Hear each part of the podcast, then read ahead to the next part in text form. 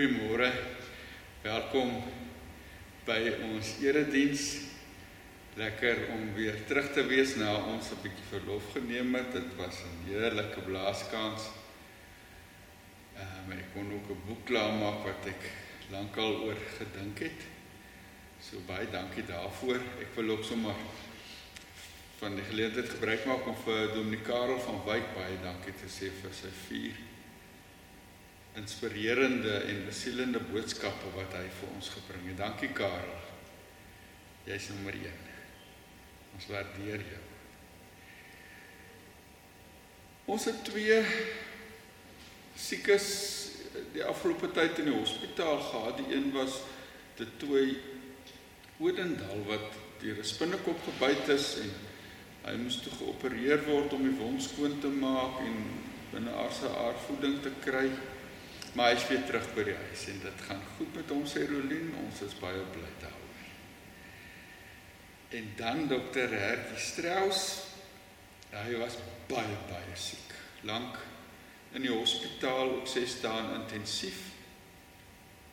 Hy is ook weer by die huis en hy sê dit gaan beter alhoewel hy maar nog baie pap en swak voel. Maar hy sê dit help hom om weer te begin werk dan dan voel hy ook dink ook aan hulle familie. Sy ma is oorlede in die tyd wat hy in die hospitaal was en hy kon uh daaroor nie eers haar begrafnis bywoon nie. Hy kon ook nie vir haar vir oulaas gaan groet nie. Ons dink aan hulle daaroor. En dan sy broer Japie is ook ehm um, met COVID gediagnoseer. Hy het dit in die hospitaal ehm um, opgetel oor 'n toe hy daar was vir 'n ander probleem en dit gaan glad nie goed met hom nie. Ons dink aan Antoinette, sy vrou en bid ook vir hulle. Sterkte. Ons het maandag as kerkraad ehm um, vergader en ook met die moderamen van die Vrystaatse Node oor die ongelukkigheid in die kerkraad en in die gemeente oor die gay kwessie. Um, en die kerkraad het besluit dat ons gaan doleer. Doleer beteken ons gaan treur. Treur oor oor die stand van die kerk en dat die kerk vir ons gevoel sy gereformeerde wortels begin verloor. Ons sal Dinsdag in ons kerkraadsvergadering DV uitspel wat presies ons ehm um, alles gaan doen as deel van ons dolering, maar ons sal julle met 'n skrywe inlig. Ons gaan ook Dinsdag praat oor die kerk, die eredienste. Ons het vir mekaar onderneem dat as die vlak skuif ehm um, dan van die inperking, dan gaan ons weer dink en ons is nou op vlak 2.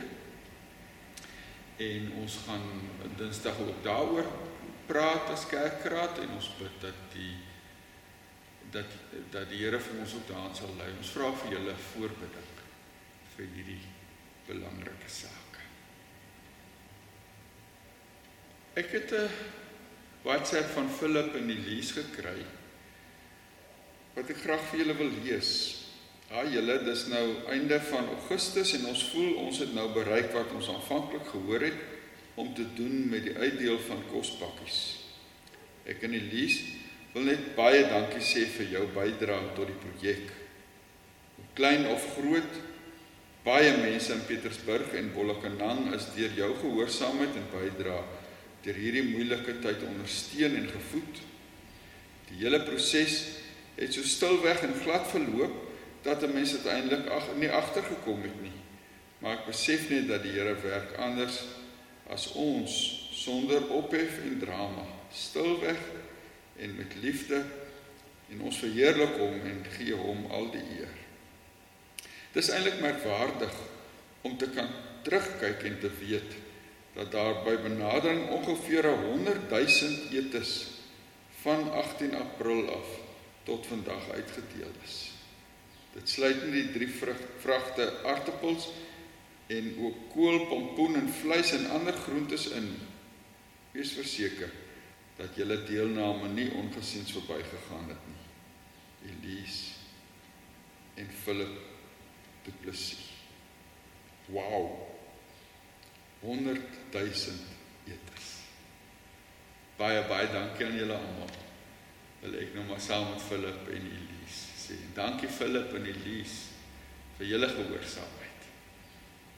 Dit was 'n groot taak.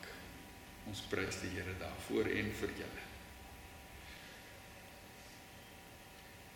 Dit is nagmaal vanoggend en as jy nog nie jou tekens reg gekry het nie, stop die video en gaan kry eers jou brood en wyn of druiwesap reg.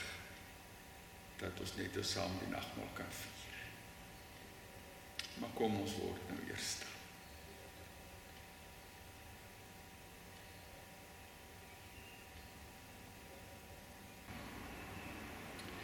Heilig Heilig Heilig is die Here die Almagtige. Die hele aarde is vol van sy magtige teenwoordigheid. Amen.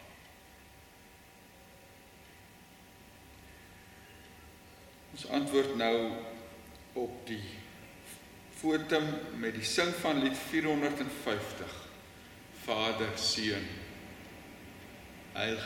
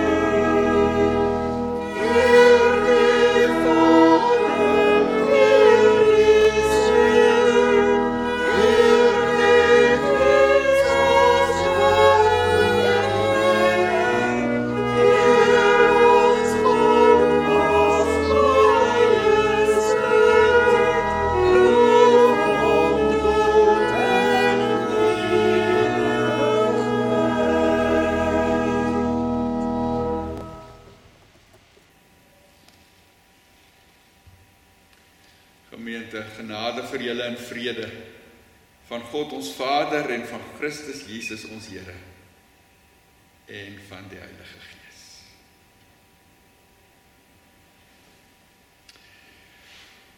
Ons sing nou ons loflied en dit is die Tosiusberuiming van Psalm 23 net soos 'n herder is agter in die boekie vir die van julle wat uit die boekies wil sing. Agter in die boekie ons sing die eerste en die derde vers derde versie is so 'n stukkie nagmaal waarvan hy sing, "Hy bring die tafel vir my in gereedheid. My hoof druip olie, my beker vloei van wyn."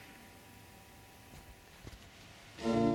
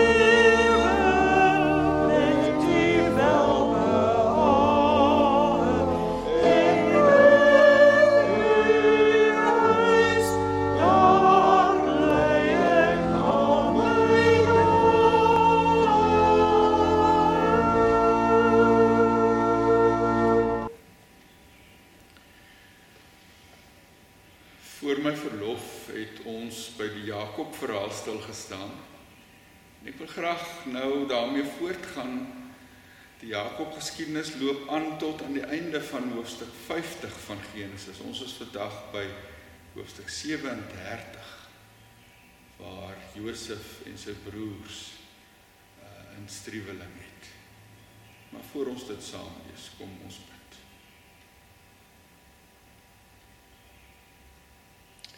Here, hoe heerlik is dit om so stil te word in u teenwoordigheid in u en u heiligheid te kan ervaar. Here, dankie dat u by ons is hier in die kerk, maar ook daar by die huis waar mense saam is om u te ontmoet. Seën ons Here in ons saam wees. Seën ons wanneer ons u woord lees. Seën ons wanneer ons dit verkondig. Seën ons wanneer ons die sakrament van die nagmaal vier.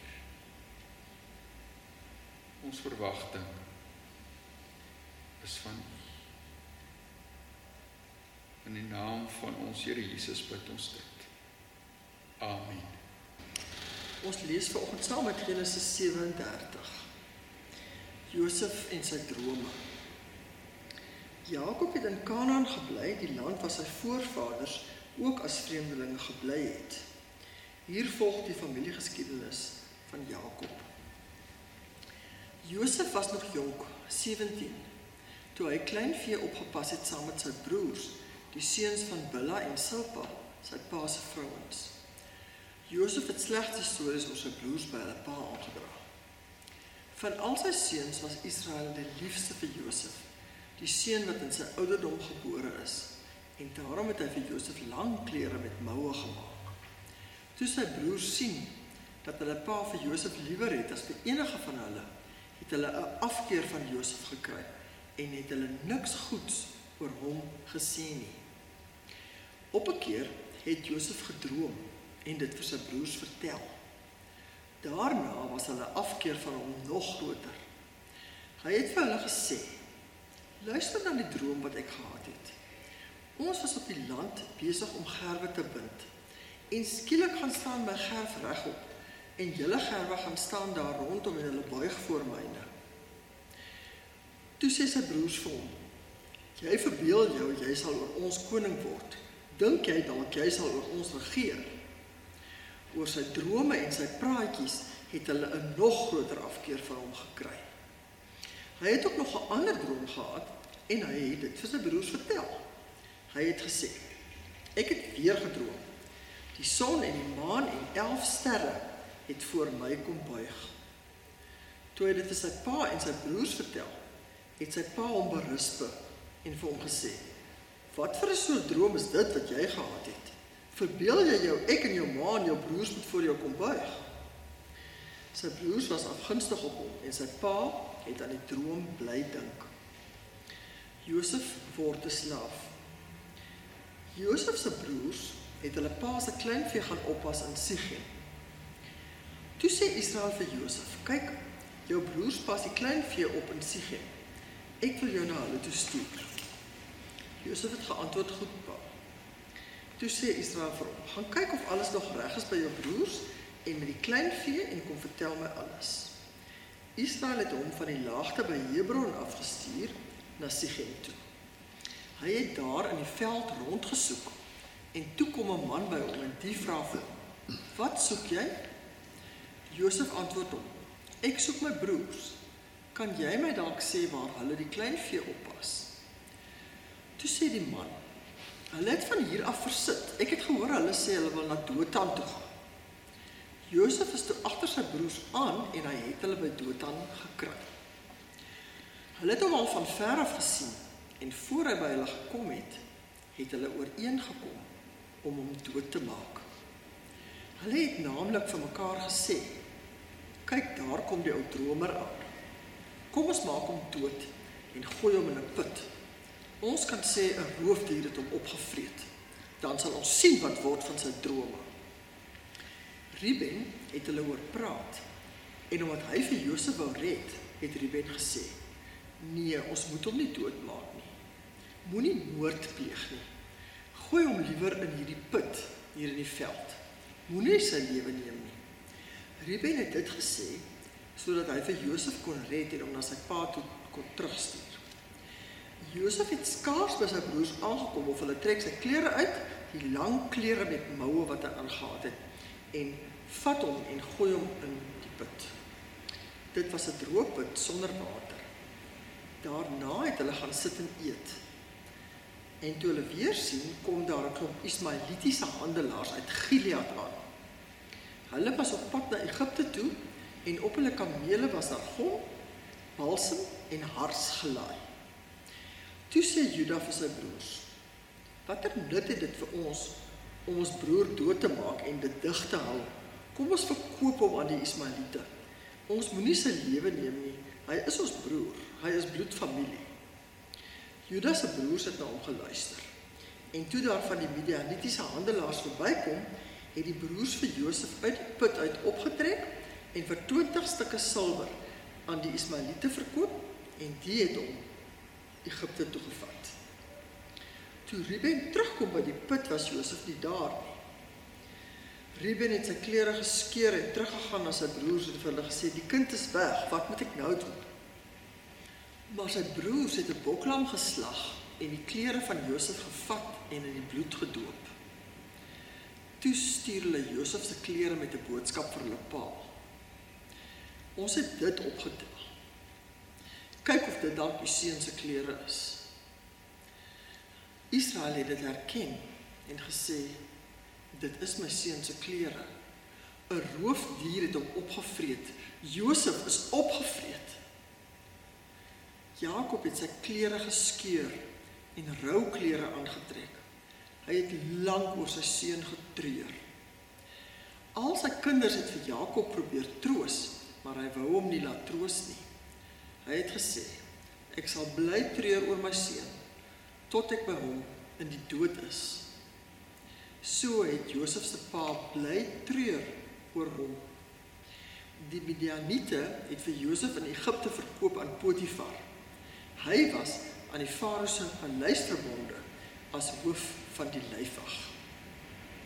Dit is die woord van die Here vir ons volgende.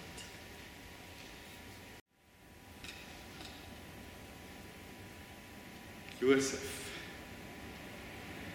Wat is 'n prentjie wat jy in jou kop kry as jy aan Josef dink? Wat is die eerste gedagte wat jou opkom? Josef die dromer wat vooraf al eintlik van God gehoor het dat hy iemand groot sal wees en oor sy broers gaan heers. Josef die man wat die versoekings van Potifar se vrou weerstaan het. Josef die onderkoning van Egipte wat met mag en met wysheid 'n hele wêreld red toe dit droogte het almal prentjies van Josef. Maar die prentjies wat ons van Josef het, is nie die man waarvan wie ons in hoofstuk 37 lees nie. Ons sal liewer sê die tiener van wie ons in hoofstuk 37 lees nie. Ons lees dat hy 'n verwaande groot praterige mannetjie was. Pappa se witbroodjie wat stories aandra oor sy broers by sy pa en so 'n kookpot veroorsaak in sy huis. Loop en spog het oor sy drome, hoe hy eendag oor hulle almal sal baar speel.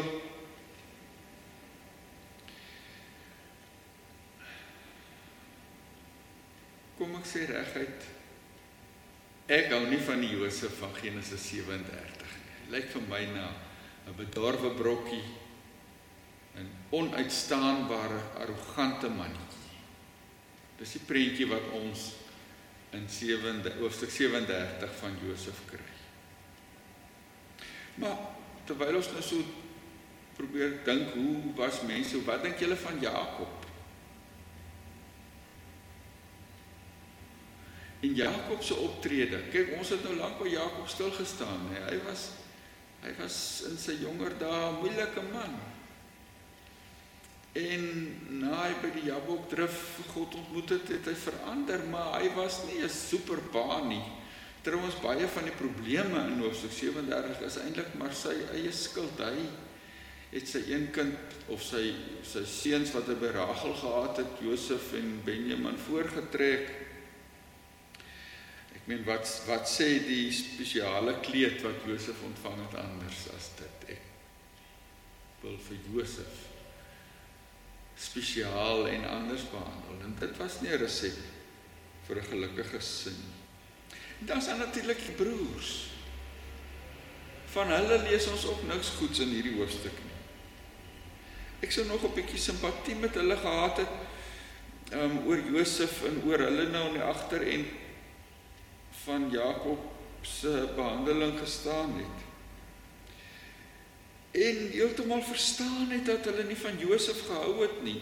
Ek ek meen dit was onaanvaarbaar wat Jakob gedoen het, maar maar dat hulle hom daarom as 'n slaaf verkoop het na slawehandelaars op pad na Egipte, dit is tog onaanvaarbaar. Hulle eie broer, hulle bloedbroer. En dan hoe baan, hoe maak hulle met Jakob? Hulle stuur Josef se bloedbevlekte kleed vir hom. Het nie eers die moed om self te gaan om die boodskap oor te dra en sê kyk, dis is dit nie dalk Josef se nie, wat terwyl hulle ons nog baie goed weet dit is Josef se. En hulle pa sal dit mos herken. En dan dan probeer hulle lees ons later vir hom troos toe Jakob ontroosbaar is. Ek vond nogal wat hulle vir hom gesê het. Dis nou die mense wat ons in Genesis 37 ontmoet. As dit nou 'n sepie was, sou 'n mens kon sê dit het al die bestanddele van 'n van 'n wonderlike sepie met met die klomp onderstrominge en en vyhandigheid en en, en al die drama wat hoofstuk 37 afspeel. Maar dit is nie 'n sepie nie. Dis die verhaal van God se kinders. Die mense wat God se seëninge vir die nasies moes bring, so het God se opdrag aan aan Abraham gelei. Ek sal jou seën en in jou sal al die geslagte van die aarde geseën word. Dis die seën wat Jakob wou hê en daarom sy eie broer Esau gekil het om om hierdie seën in die hande te kry. En kyk nou wat maak hulle daarmee.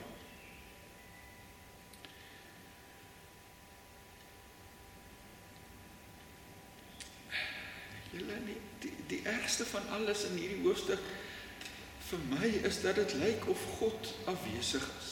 Ons lees nêrens van hom in hierdie hele hoofstuk. Dit lyk of God hom onttrek het aan hierdie spul. Sluit dit om hulle te los asof daar geen salf aan hulle te smeer is nie. Die hoofstuk eindig met die hartverskeurende berig van Jakob vers 35 ek sal bly treur oor my seun tot ek by hom in die dood is. Uitsigloos smartlik of wag dis die laaste van hoofstuk 37 die laaste is dat die Ismaelitiese handelaars vir Josef verkoop het aan Potifar die hoof van die farao se lyfwag. daarmee wil die skrywer vir ons sê Josef is nie weg nie. Hy het nie verdwyn tussen die tussen die miljoene in Egipte nie. Hy is in die omgewing van die farao. Later so weet ons mos nou as ons terugkyk na die verhaal, sou dit 'n baie belangrike verbintenis wees.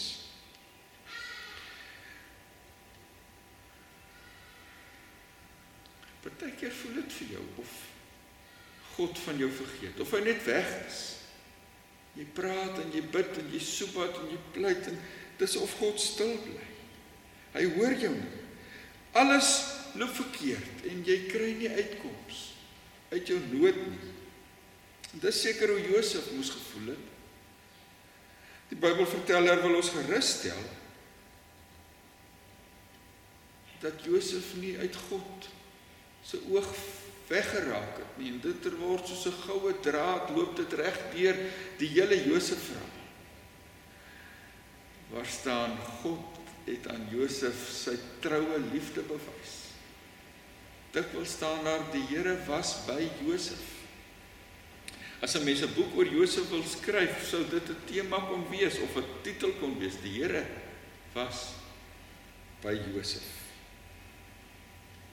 Selfs in sy donkerste nood. Ek wil hê jy moet dit vandag baie goed hoor. God los nie sy kinders nie. Hy los ook nie vir jou nie. Selfs al voel dit vir jou so. Selfs al lyk dit vir jou so. Selfs al al al sien jy geen uitkomste en net donkerte om jou weet dan. God is by jou.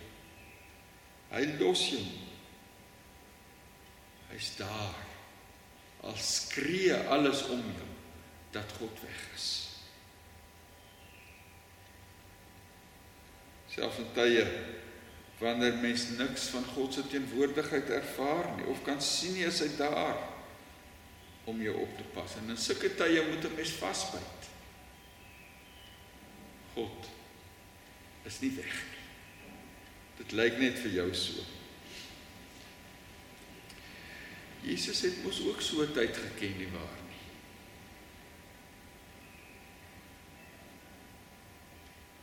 daar aan die kruis. Kerm my dit uit, my God. My God, waarom het U my verlaat?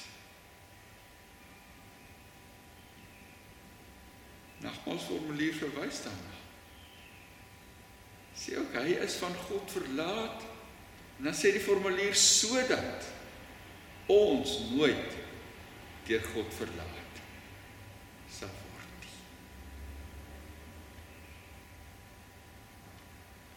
As 'n mens so na die mense van Genesis 37 kyk, kan jy dalk lus kry om te sê jy verstaan hoekom dit lyk of God weg is. Dit lyk so asof asof God pad gee want hy kan dit nie uithou met hierdie klomp woestaards nie. Dit lyk so asof asof God weg is omdat mens God nie in een van hulle kon sien nie. In een van hulle se optrede kan kan kan sien dat God deel is van hulle lewe en hulle wêreld nie. Hoe kan so 'n treurige klomp vir die nasies tot 'n seën wees? Want ek moet eerlik wees, ek sien niks van God se beeld in een van hulle as ek na Genesis 37 kyk. Maar nou moet ek en jy onthou Genesis 37 is die begin van die verhaal van Jakob se kinders. Dis nie die einde nie. Hier lyk hulle sleg. Maar dis nie soos hulle een.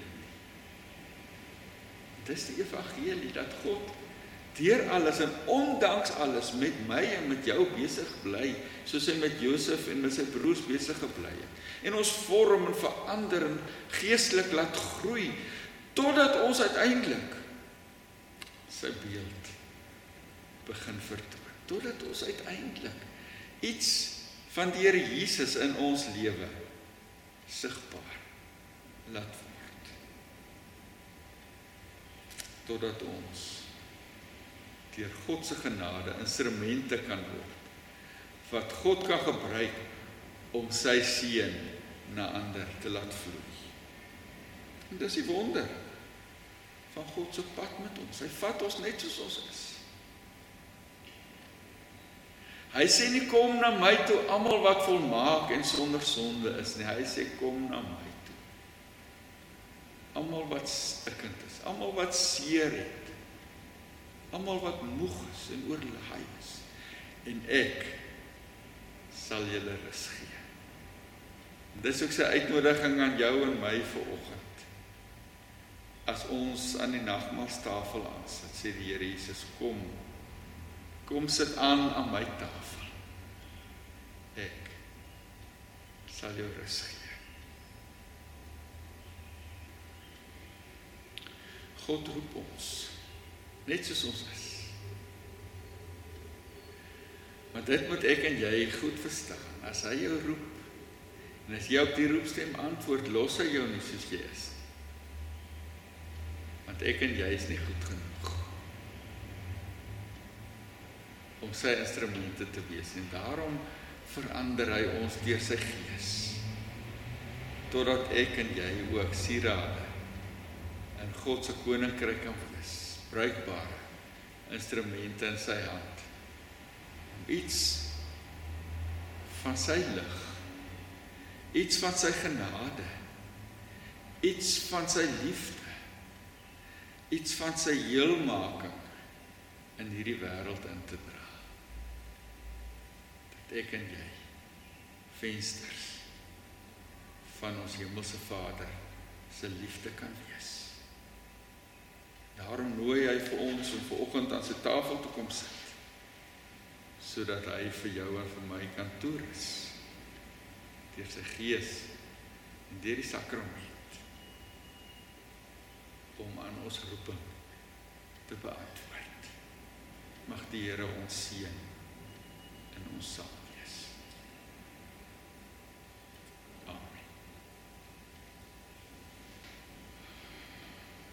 Ons gaan nou oor om die nagmaal te vier. Die Here het self die nagmaal ingestel. Daarvan getuig Paulus in 1 Korintiërs 11 vers 23 tot 26 waar hy skryf: Ek het van die Here ontvang wat ek ook aan julle oorgelewer het. Die Here Jesus het in die nag waarin hy oorgelewer is, bloed geneem. En nadat hy God daarvoor gedank het, het hy dit gebreek en gesê: Dit is my liggaam. Dis vir julle. Gebruik dit tot my gedagtenis. Net so ook het hy na die maaltyd die beker geneem en gesê hierdie beker is die nuwe verbond wat deur my bloed beseël is. Gebruik dit elke keer as jy daai drink tot my gedagtenis. Elke keer as jy van hierdie brood eet en uit die beker drink, verkondig jy die dood van die Here totdat hy kom. Wat beteken die nagmaal?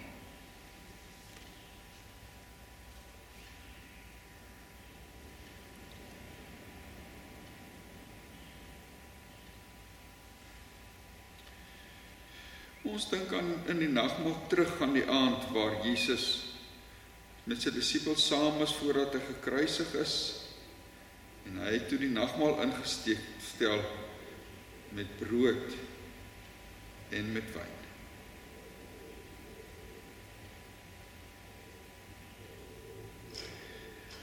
die brood het Jesus gesê is sy liggaam wat vir ons gebreek is aan die kruis. En die wyn is sy bloed wat vir ons gevloei het om ons sondes weg te was.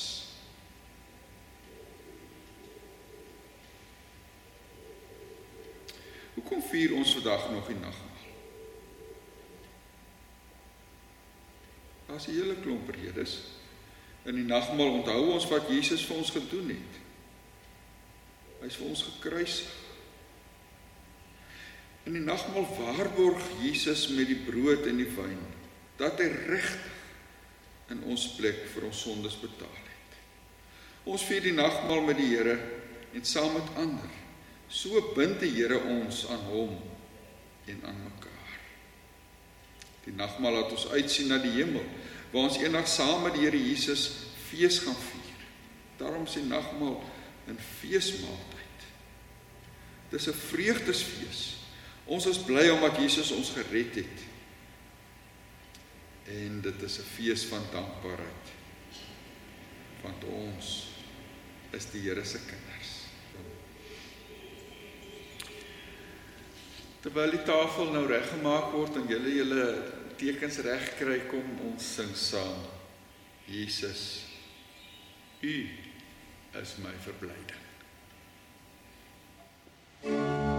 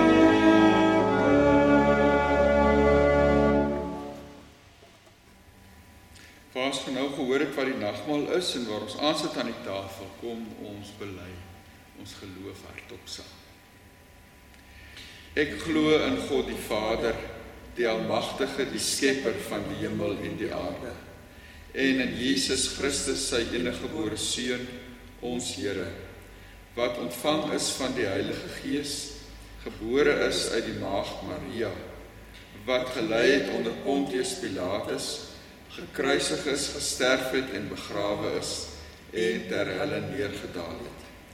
Wat op die 3de dag weer opgestaan het uit die dode, wat opgevaar het na die hemel en sit aan die regterhand van God, die almagtige Vader, van waar hy sal kom om te oordeel die wat nog lewe en die wat reeds gesterf het. Ek glo in die Heilige Gees. Ek glo aan 'n heilige algemene Christelike kerk, die gemeenskap van die heiliges, die vergifnis van sondes, die opstanding van die vlees en 'n ewige lewe. Kom ons bid saam, vra die Here se seën en ek nooi julle ook om saam met my die ons Vader te bid aan die einde. Barmhartige God en Hemelvader, Ons dank U vir Jesus Christus wat met sy liggaam wat gekruisig is en sy bloed wat vergiet is, ons tot die ewige lewe voed en versterk. Geer dat ons nie met ons harte aan die sigbare tekens van brood en wyn vaskleef nie, maar gee dat ons nou ons harte ophef na die hemel waar Jesus Christus ons voorspraak aan U regterhand is. Gee dat deur die werking van die Heilige Gees ons geloof versterk word tot meerdere diens in die koninkryk en tot verheerliking van U naam. Hoor ons as ons saam met die hele Christendom nou bid. Ons Vader wat in die hemel is, laat U naam geheilig word. Laat U koninkryk kom. Laat U wil ook op die aarde geskied, net soos in die hemel. Gee ons vandag ons daaglikse brood en vergeef ons ons oortredinge, soos ons ook die vergewe wat teen ons oortree. En laat ons nie in versoeking kom nie, maar verlos ons van die bose. Want aan U behoort die koninkryk en die krag en die heerlikheid tot in ewigheid. Amen. Die brood wat ons breek is die gemeenskap met die liggaam van ons Here Jesus Christus. Neem eet. Dink daaraan en glo dat sy liggaam gebreek is tot 'n volkomme verzoening vir al jou sonde.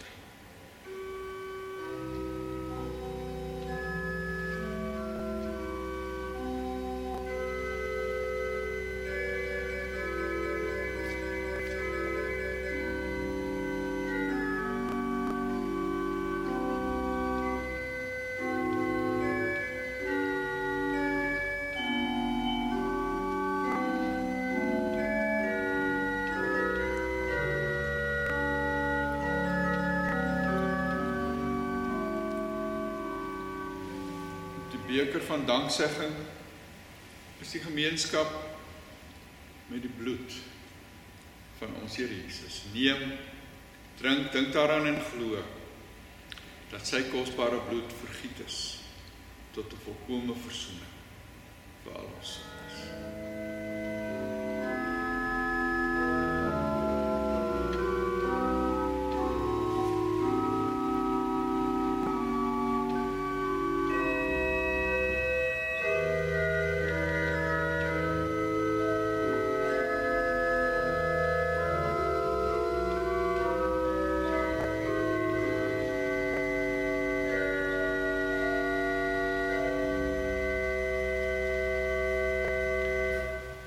Aangesien die Here ons nou aan sy tafel gevoed het. Laat ons almal saam sy naam met dankbaarheid prys en in ons hart soos volk saamstem. Ek wil die Here loof met alles wat in my is, wil ek sy heilige naam loof. Ek wil die Here loof en nie een van sy weldade vergeet nie. Dis hy wat al my sonde vergewe, wat al my siekte genees, wat my red van die graf en my met liefde en ontferming kroon wat my die goeie in oorvloed laat geniet my die jeugtige krag van die arend skenk. Barmhartig en genadig is die Here. Lankmoedig en vol liefde. Hy sal ons ons sonde nie bly toereken en nie vir ewig toornig bly nie. Hy handel met ons nie volgens ons sondes nie en vergeld ons nie vir ons ongeregtigheid nie. Want so groot as die afstand tussen hemel en aarde, so groot is sy liefde vir die wat hom dien. So ver as die ooste van die weste af is, so ver verwyder hy ons oortredinge van ons af. Soos 'n vader hom ontferm oor sy kinders, so ontferm die Here hom oor die wat hom dien. Kom ons bid saam. Barmhartige God en Vader, ons loof en prys U dat U uit genade U seun aan ons geskenk het as middelaar wat deur sy kruis en opstanding die straf op ons sonde gedra het en so vir ons die voedsel en drank van die ewige lewe geword het. Ons dankie dat U aan ons die geloof skenk wat deur ons in hierdie weldade kan deel. Ons dankie dat U ons opnuut deur hierdie nagmaal in ons geloof versterk het. Ons bid dat U deur die werking van die Heilige Gees die gedagtenis aan ons Here Jesus Christus en die verkondiging van sy dood totdat hy kom sal gebruik om ons daagliks te laat groei in regte in die regte geloof en in die innige gemeenskap met Christus. Ons bid dat U deur die werking van die Heilige Gees U goddelike doel met hierdie nagmaal sal bereik. Amen.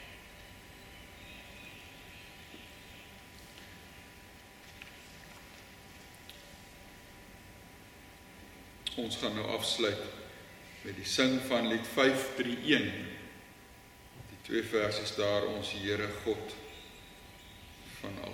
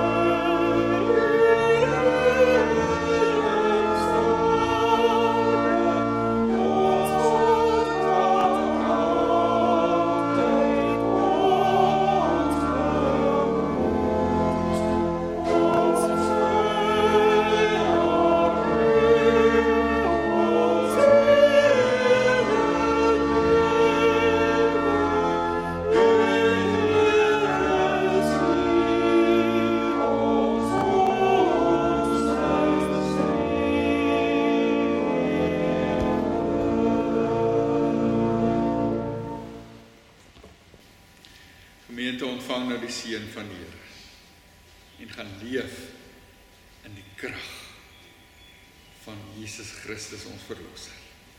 Die genade van ons Here Jesus Christus en die liefde van God ons Vader en die gemeenskap van die Heilige Gees ons voorspraak bly by julle almal.